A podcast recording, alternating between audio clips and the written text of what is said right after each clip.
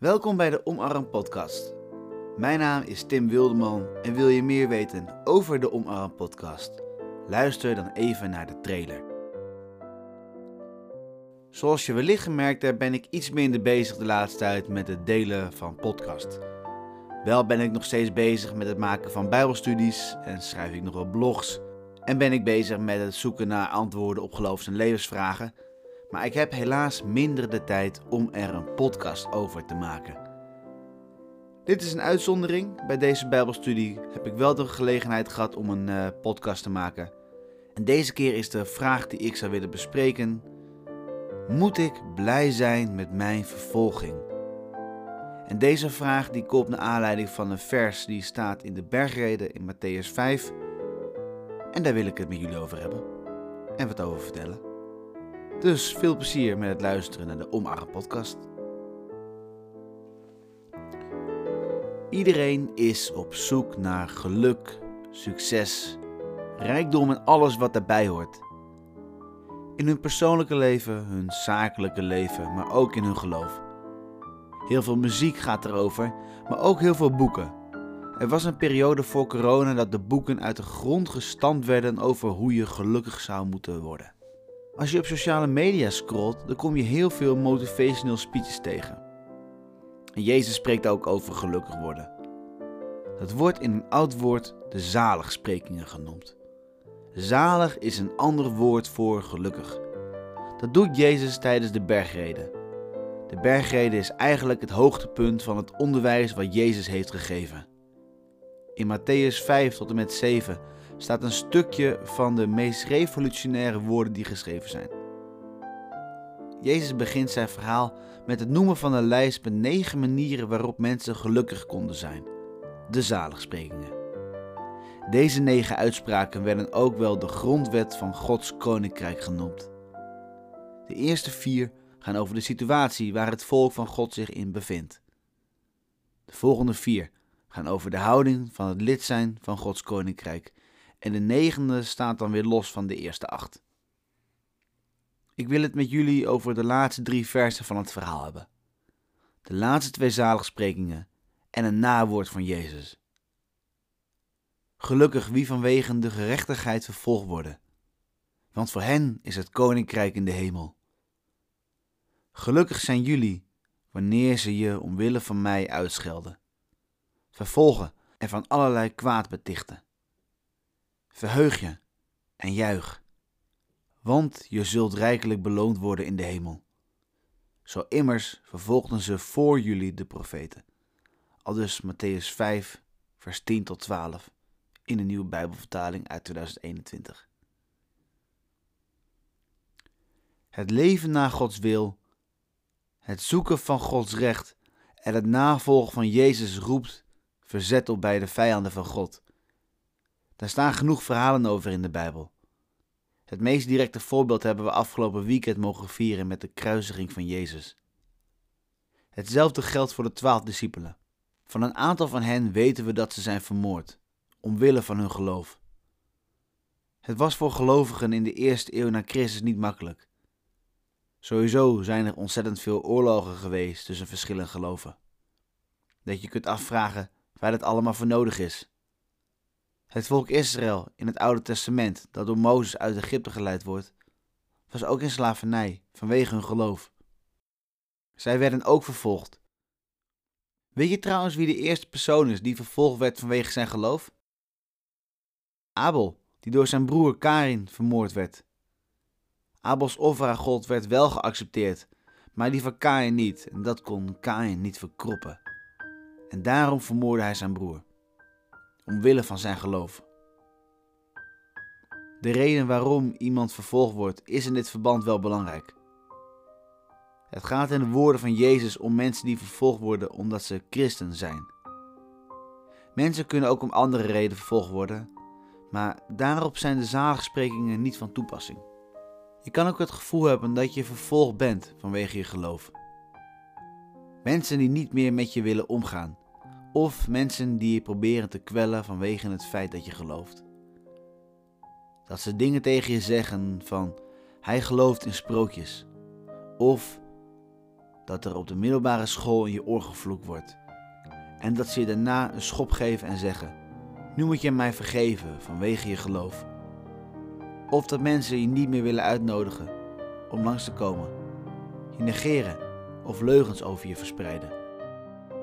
Het zijn allemaal voorbeelden van hoe je vervolgd kunt worden vanwege je geloof. Wat zijn manieren waarop jij vervolgd bent vanwege je geloof? Heb je er ervaring mee? Ben je gepest? Vrienden kwijtgeraakt?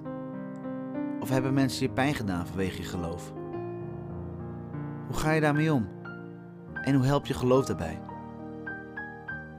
Het is niet zo dat in ons woke en tolerante Nederland geen sprake is van christenvervolging. Het gebeurt dan wel niet op grootschalige wijze zoals in landen als Noord-Korea of Afghanistan, maar het gebeurt wel zeker. God ziet het lijden van zijn volk. En God heeft in de Bijbel vaak genoeg ingegrepen tegen vervolgers. God greep in toen het volk Israël in Egypte was. Er staat: Ik heb de jammerklachten van mijn volk gehoord. In het Bijbelboek Rechters grijpt God meerdere keren in door een rechter te sturen, zoals Deborah, Gideon, Jefta en Simson. Dit Bijbelvers spreekt niet over dat onze zorgen om vervolging snel opgelost worden. Dat God snel zal ingrijpen. Het is ook nog maar de vraag of God ingrijpt.